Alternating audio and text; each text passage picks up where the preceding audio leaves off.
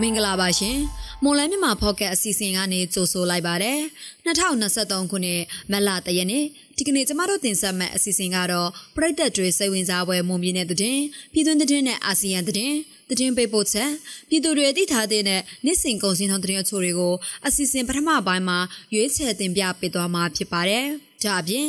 88ကျောင်းသားခေါင်းဆောင်ဥက္ကိုကြီးဦးဆောင်တဲ့ပြည်သူ့ပါတီနဲ့ပူးပေါင်းတာက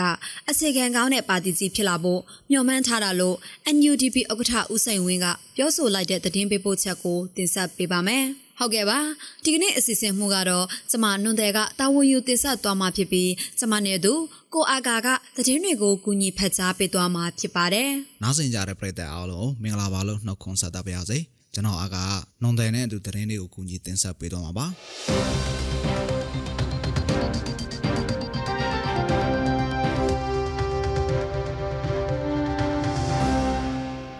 ဦးဆုံးသတင်းတပုတ်အနေနဲ့တထောင်မြို့နယ်မှာဖုန်ကြီးတပါအမျိုးသားတအုပ်နဲ့သူလက်နက်ခဲရင်တွေဖမ်းဆီးရမိတယ်လို့သိရပါဗျ။တထုံမြို့နယ်မော်လမြိုင်ကြိုက်ထော်ကားလမ်းမှာဖေဖော်ဝါရီလနောက်ဆုံးအပတ်ကဝင်းဆောင်မောင်းနှင်ပြီးစော်လွင်ဦးက ဥဒေစောဘာသာလိုက်ပါလာတဲ့ကားကိုစစ်ကောင်စီတပ်ဖွဲ့ဝင်တွေတည်င်းအရရက်သက်စစ်ဆေးခဲ့ရမှာလက်နက်များဖမ်းဆီးရမိခဲ့တာဖြစ်ပါတယ်။ဖမ်းဆီးရမိတဲ့လက်နက်တွေဟာ MK စနစ်တနက်2လက် M4 ကာဘိုင်တနက်2လက် M16 တနက်တလက် White 380 Rifle တလက် AK 40တနက်တလက်ပစ္စတို73လက်ကြီးမျိုးစုံ3980တောင်ကြီး အိမ်မျိုးစုံ46ခုရမုခလုတ်49ခုတို့ပါဝင်တယ်လို့စစ်ကောင်စီကသတင်းထုတ်ပြန်ထားပါတယ်။လက်နက်ခဲရင်တွေနဲ့သူဖမ်းဆီးရမိခဲ့တဲ့ဝင်းစော်နဲ့စော်လွင်ဦးခဥဒေစောဘာသာတို့ရဲ့ထွက်ဆိုချက်အရ CRPH နဲ့ NUG တို့က KNU တမဟာ6ထံဝယ်ယူခဲ့တဲ့လက်နက်ခဲရင်တွေကိုစကိုင်းတိုင်းဒေသကြီးမြိုင်မြို့နယ်နဲ့ပေါက်မြို့နယ်အတွင်းက PDF တထံအခကြီးငွေရယူပြီးပို့ဆောင်ပေးခဲ့တယ်လို့စစ်ကောင်စီကထုတ်ပြန်ချက်မှာဖော်ပြထားပါတယ်။လက်နက်ခဲရင်တွေနဲ့သူဖမ်းဆီးရမိခဲ့တဲ့ဝင်းစော်နဲ့စော်လွေဦးခဦးတေစောဘာသာတို့နှစ်ဦးကိုဥပဒေအရထိရောက်စွာအရေးယူနိုင်ဖို့ဆောင်ရွက်နေတယ်လို့လည်းဆိုပါတယ်။နောက်ထပ်သတင်းတစ်ပုဒ်အနေနဲ့စစ်အုပ်ချုပ်ရေးမာရှယ်လောကြီးညာထားတဲ့ကရင်ပြည်နယ်ကျိုင်းစိုက်ကြီးမြို့နယ်နဲ့ကော်ရဲမြို့နယ်တို့စစ်ဆေးမှုဖမ်းဆီးမှုနဲ့ငွေကြေးတောင်းခံမှုတွေ ပုံမများပြားလာတယ်လို့ဒေတာခန်နေရဆိုပါတယ်။စစ်ကောင်စီကပြီးခဲ့တဲ့ဇန်နဝါရီလအတွင်းလုံခြုံရေးတရားဥပဒေစိုးမိုးရေးနဲ့နယ်မြေအေးချမ်းတာယာရေးကိုပုံမိုထိရောက်စွာဆောင်ရွက်နိုင်ဖို့ဆိုပြီးတိုင်းစိုက်ကြီးမြို့နယ်နဲ့ကော်ကရိတ်မြို့နယ်ကိုစစ်အုပ်ချုပ်ရေးမာရှယ်လောကြီးညာခဲ့ပြီးည6နာရီကနေနနက်6နာရီအထိညမထွက်ရအမိန့်ကိုပါထုတ်ပြန်ခဲ့တာပါအဲ့လိုအမိန့်ထုတ်ပြန်ပြီးနောက်ကျိုင်းစိတ်ကြီးမြို့နယ်အတွင်းကိုစစ်ကောင်စီတပ်ဖွဲ့ဝင်တွေက အင်အားဖြည့်တင်လာပြီးစစ်ဆေးမှုကိုအရင်အထက်ပုံမတင်ကြထားတယ်လို့ဆိုပါတယ်။ဒါအပြင်ည6နာရီကနေမနက်6နာရီအတွင်းအပြင်ထွက်သွားလာသူတွေကိုလည်းစစ်ကောင်စီတပ်ဖွဲ့ဝင်တွေကတနက်နဲ့ချင်းချောက်ပစ်ခတ်တာရိုက်နှက်ဖမ်းဆီးပြီးအရေးယူမှုတွေလည်းလှုပ်ဆောင်နေတယ်လို့ဒေသခံတွေကပြောပါတယ်စစ်အုပ်ချုပ်ရေးကျင်းပပြီးနောက်ကျိုင်းဆိုင်ကြီးမြို့နယ်အတွင်းဖမ်းဆီးခံရသူ20ဦးထပ်မံရှိလာတယ်လို့သိရပါတယ်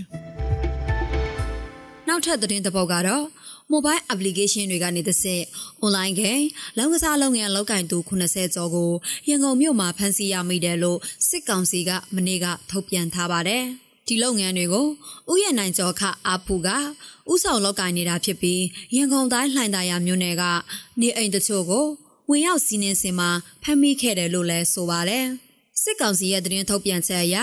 ခေါင်းဆောင်ဖြစ်တဲ့ဦးရင်နိုင်ကျော်ရဲ့ဘေးဘက်မှာစနီအမည်နဲ့တရုတ်နိုင်ငံသားတဦးကပါဥဆောင်နေကြောင်းကိုလည်းဖော်ပြထားပေမဲ့အသေးစိတ်ရေးသားထားတာမရှိပါဘူး။ online game လုံကစားလုပ်ငန်း online ကန်ဆယ်မဲဖောက်လုံကစားလုပ်ငန်းနဲ့တရားမဝင် online ချင်းငွေလုပ်ငန်းတွေလောက်ကင်တဲ့အမှုပေါင်း9မှုအတွက်အမျိုးသား24ဦးနဲ့အမျိုးသမီး48ဦးစုစုပေါင်း82ဦးကိုဖမ်းဆီးရမိခဲ့ကြောင်းထုတ်ပြန်ချက်မှာဖော်ပြထားပါတယ်။ ဒါဟာအာနာသိန်းနှစ်အတွင်းကြီးထွားလာတဲ့ online လောင်းကစားဂိမ်းတွေကိုအရေးယူတာနဲ့ပတ်သက်ပြီးစစ်ကောင်စီကပထမဆုံးထုတ်ပြန်လာတာပါ။နောက်ထပ်သတင်းတစ်ပုဒ်အနေနဲ့ကရင်မျိုးသားအစည်းအရုံး KNU ကော်သူလေးအောက်ချုပ်နယ်မြေခလဲလူထူခရိုင်တမဟာတုံးမူးမြို့နယ်ကကြေရော်တွေကိုစစ်ကောင်စီတပ်ကလက်နက်ကြီးတွေနဲ့ပစ်ခတ်တာကြောင့်ဒေသခံပြည်သူ600ကျော်အသက်ဘေးလို့ရတော့ထွက်ပြေးတိမ်းရှောင်နေကြရတယ်လို့ KNU ဗဟိုရဲ့ ဖေဖော်ဝါရီ28ထုတ်ပြန်ချက်အရသိရပါတယ်။ဖေဖော်ဝါရီ24ရက်နေ့ကစစ်ကောင်စီတပ်တွေ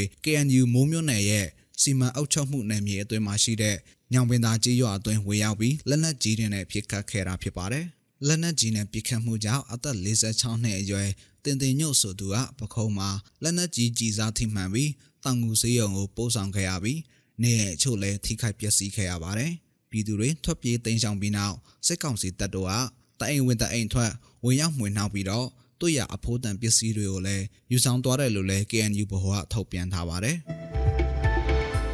ထိုင်းနိုင်ငံတောင်ပိုင်းပတ္တနီမြို့ကထိုင်းငါးပန်းလေတစီပေါ်မှာပြီးခဲ့တဲ့နှစ်မလ31ရက်နေ့တုန်းကလှေဝမ်းပိုက်ငါးလောင်ကန်တဲ့ကငါးတွေကိုလှေလောက်သားတွေကတဲထုတ်ဖို့လှုပ်စဉ်ငါးပုံးနဲ့တွေကနေအစိုက်တစ်ပြီးမြမရေလောက်သား၃ဦးရုတ်တရက်တည်ဆုံခဲ့တာပါ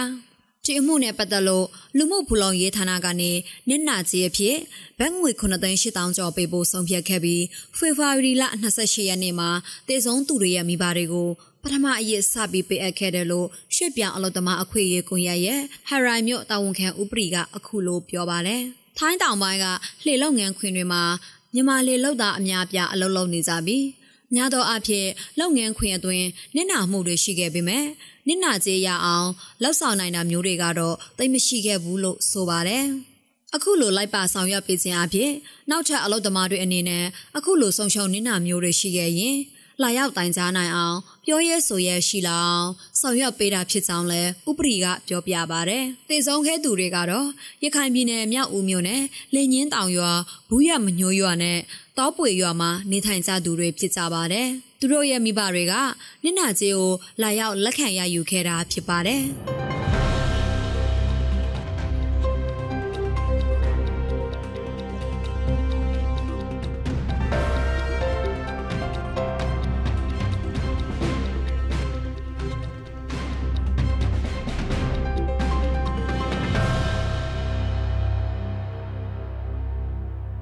ဆက်လက်ပြီးတော့ပြည်သူတွေတိထားတဲ့နေ့စဉ်ကုန်စည်နှုန်းသတင်းအချို့တွေကိုမော်လမြိုင်ကုန်စည်တိုင်းကအချက်အလက်တွေကိုအခြေခံပြီးကျမနွန်တယ်ကတင်ဆက်ပေးပါအောင်မယ်။ဒီကနေ့ထိုင်းနဲ့မြန်မာငွေလွှဲနှုန်းကတော့ထိုင်းဘတ်82.4တိဝယ်ဆေးရှိပြီးတော့ရောင်းဈေးကတော့83.6ခွန်ကျပ်ရှိနေပါတယ်။ဒေါ်လာဈေးကတော့ အမေရိကန်ဒေါ်လာကိုဝယ်ဈေးမြန်မာငွေ2880ကျပ်ရှိပြီးရောင်းဈေးကတော့2885ကျပ်ရှိပါတယ်။ရွှေဈေးနှုန်းကတော့မီလင်း16ပဲရဲ့တစ်ချက်သားကိုရန်ကုန်ရွှေသင်းဒီကနေ့ဈေးကွက်မှာ23သိန်းဝန်းကျင်ရှိနေပြီးအပြင်ပေါက်ဈေးကတော့28သိန်းအထက်မှာရှိနေပါတယ်။73စီတွေကတော့ ဒီဇယ်တလီတာကို2235ကျပ်အောက်တိန်62တလီတာကို2150ကျပ်နဲ့65တလီတာကို2235ကျပ်ထိရှိနေပါတယ်။စံစင်းတော်ကတော့အကောင်းစားပေါ်စံမွေ108ပေါင်ကိုအမြင့်ဆုံး9200ကျပ်အလယ်လက်ဒန်ဆက်အမျိုးအစားပေါ်ကျွဲ108ပေါင်ကိုအနှိမ့်ဆုံး6400ကျပ်နဲ့အမထဆန်108ပေါင်ကိုအနှိမ့်ဆုံး9800ကျပ်နဲ့အမြင့်ဆုံး6000ကျပ်ထိရှိနေပါတယ်။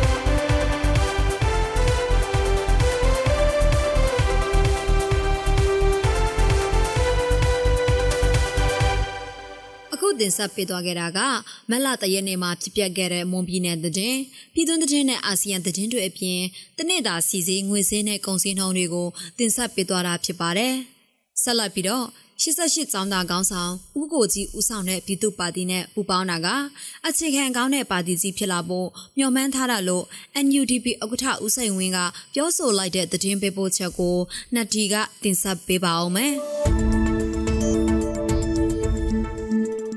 ပြည်သူ့ပါတီ PP နဲ့ပူးပေါင်းမှုကအခြေခံကောင်းတဲ့နိုင်ငံရေးပါတီကြီးဖြစ်လာဖို့မျှော်မှန်းထားတယ်လို့အမျိုးသားညီညွတ်သောဒီမိုကရက်တစ်ပါတီ NUD ဥက္ကဋ္ဌဦးဆိုင်ဝင်းကဆိုပါတယ်။ထို့အတူမိမိတို့ရည်မှန်းချက်ကိုရောက်ရှိဖို့မိမိတို့ပါတီတစ်ခုတည်းတော်လို့မရတော့ကြောင်းစစ်ကောင်စီရဲ့နိုင်ငံရေးပါတီများမှတ်ပုံတင်ဥပဒေကြောင်းနိုင်ငံတော်ဝန်ရှင်ပြိုင်ဖို့မဖြစ်နိုင်တော့ဘူးလို့ဆိုပါတယ်။ကျွန်တော်တို့ပါတီဘက်ကလည်းကျွန်တော်တို့ကြည်တော်လို့မရတော့ဘူး။ကျွန်တော်တို့ကိုတူးကိုချုံးနဲ့ကိုအားကိုကိုနဲ့ ဒီကာကီရောင်အလံလေးပေါ့အမျိုးသားညီညွတ်သောဒီမိုကရက်တစ်ပါတီအလံလေးကိုအင်မတန်ကျွန်တော်ကမြန်နိုးတာပေါ့ဒီလိုမျိုးကိုဟိုဆွလို့တဲ့ဟာကိုဆွလို့ရမယ်ဘာလို့လဲဆိုရင်ပြည်သူနိုင်ငံနဲ့ပြည်သူတို့ဒီကြီးကြီးကျယ်ကျယ်လှုပ်ဆောင်မှုဒီကြီးကြီးကျယ်ကျယ်ဆွလို့တဲ့ဟာကြီးဆွလို့ရမယ်ဆိုပြီးတော့အဲကျွန်တော်ဒီလိုမျိုးသူတို့နားချတဲ့အတွက်သူတို့လည်းနားလဲတယ်အဲ့တော့ကျွန်တော်တို့နှစ်ဦးပေါင်းလိုက်တဲ့အတွက် တယောက်ကဘေတံဖြစ်ရင်တယောက်ကညာတံပေါ့ဗျာတယောက်ကညာတံဖြစ်တဲ့အတွက်တယောက်ကဘေတံပေါ့ကျွန်တော်တို့ကလည်းသူလည်းအလုံသမားအခြေခံတယ်ကျွန်တော်လည်းတောင်သူလည်းသမားအခြေခံနေဆိုတော့လုံသမားနဲ့တောင်သမားကမြန်မာနိုင်ငံမှာခေါင်းနဲ့ပန်းလို့ပဲလေအလုံသမားတောင်သမားဖြစ်သွားတယ်တောင်သမားအလုံသမားဖြစ်သွားတယ်တခြားနိုင်ငံသားတွေလိုကျွန်တော်တို့အလုံသမားတတ်တတ်အဲတောင်သူလည်းသမားတတ်တတ်မြန်မာနိုင်ငံမှာမရှိပါဘူးအခဏလုံသမားရောသွားပြီးသူတို့မိဘတွေကဘယ်သူလဲလို့မေးလိုက်ရင်တောင်သူလည်းသမား သားသမီးတွေဖြစ်နေတယ်ဆိုတာတွေ့ရပါတယ်ဒါကြောင့်မို့လို့ကျွန်တော်တို့ပါတီနှစ်ခုပူးပေါင်းတာဟာမြန်မာနိုင်ငံအတွက်အင်မတန်အလားအလာကောင်းသောအခြေခံကောင်းသောပါတီကြီးတစ်ခုအဲဖြစ်လာဖို့မျှော်မှန်းနေတဲ့အနေအထားရှိပါတယ်လို့ကျွန်တော်ဒီလိုမျိုးပြောကြပါရစေ။လက်ရှိမှာလည်းပါတီမှတ်ပုံပြန်တင်နိုင်ဖို့လောက်ဆောင်နေပြီးနောက်ထပ်နိုင်ငံရေးပါတီတွေလာရောက်ပူးပေါင်းတော့ဖို့လည်းရှိနေတယ်လို့ဦးစိန်ဝင်းကဆိုပါတယ်။စစ်ကောင်စီကဖွဲ့စည်းထားတဲ့ပြည်ထောင်စုရွေးကောက်ပွဲကော်မရှင် UEC ထံ နိုင်ငံရေးပါတီအဖြစ်ဆက်လက်တည်ထောင်ခွင့်လျှောက်ထားတယ်။ပါတီစုစုပေါင်း73ပါတီရှိပြီးဖြစ်ပါတယ်။အဲ့ဒီ73ပါတီမှာပြည်ထောင်စုတဝန်လောင်စီရောက်မဲ့ပါတီ9ပါတီနဲ့တိုင်းဒေသကြီးသို့မဟုတ်ပြည်နယ်တစ်ခုအတွင်းစီရောက်မဲ့ပါတီ10ပါတီရှိတယ်လို့သိရပါတယ်။မြန်မာနိုင်ငံမှာဖြစ်ပေါ်နေတဲ့နိုင်ငံရေးငြိမ်းချမ်းရေးစီးပွားရေးအကျပ်တဲတွေကိုနိုင်ငံရေးနည်းလမ်းနဲ့ဖြည့်ရှင်းနိုင်ရေးဆောင်ရွက်တော့မှာဖြစ်တယ်လို့ဦးစိန်ဝင်းကဆိုပါတယ်။ကျွန်တော်တို့ပူပေါင်းတာရဖြစ်ဖို့မဟုတ်ဘူးဗျ ပူးပေါင်းတာကကျွန်တော်တို့အင်အားကြီးဖို့ဟောနော်အရင်တော့ NUDP တခုတည်းပေါ့ဗျာအခုပြည်သူ့ပါတီနဲ့ပေါင်းမယ်ပြည်သူ့ပါတီနဲ့ NUDP နဲ့ပေါင်းလိုက်တာဘယ်ကိုသွားရမလဲဆိုရင်မြန်မာနိုင်ငံတနိုင်ငံလုံးပြည်သူ့ပါတီအသစ်ဖြစ်အောင်ကျွန်တော်လုပ်သွားမယ်အခုနှစ်2023ခုနှစ်အတွင်းအထွေထွေရွေးကောက်ပွဲကိုကျင်းပပေးမှာဖြစ်ပြီးအနိုင်ရတဲ့နိုင်ငံရေးပါတီကိုအာဏာလွှဲအပ်ပေးမယ်လို့စစ်ကောင်စီဥက္ကဋ္ဌကပြောကြားထားပါတယ်။ အခြားတစ်ပတ်မှာတော့မြို့သားညီညွတ်ရေးဆိုရာ NUG အနေနဲ့စစ်ကောင်စီကျင်းပမဲ့ရွေးကောက်ပွဲကိုအတိမပြုမှာမဟုတ်သလိုအဲ့ဒီရွေးကောက်ပွဲကိုမပြတ်ပြတ်အောင်ဖျက်မယ်လို့ပြောကြားထားပါတယ်ရှင်။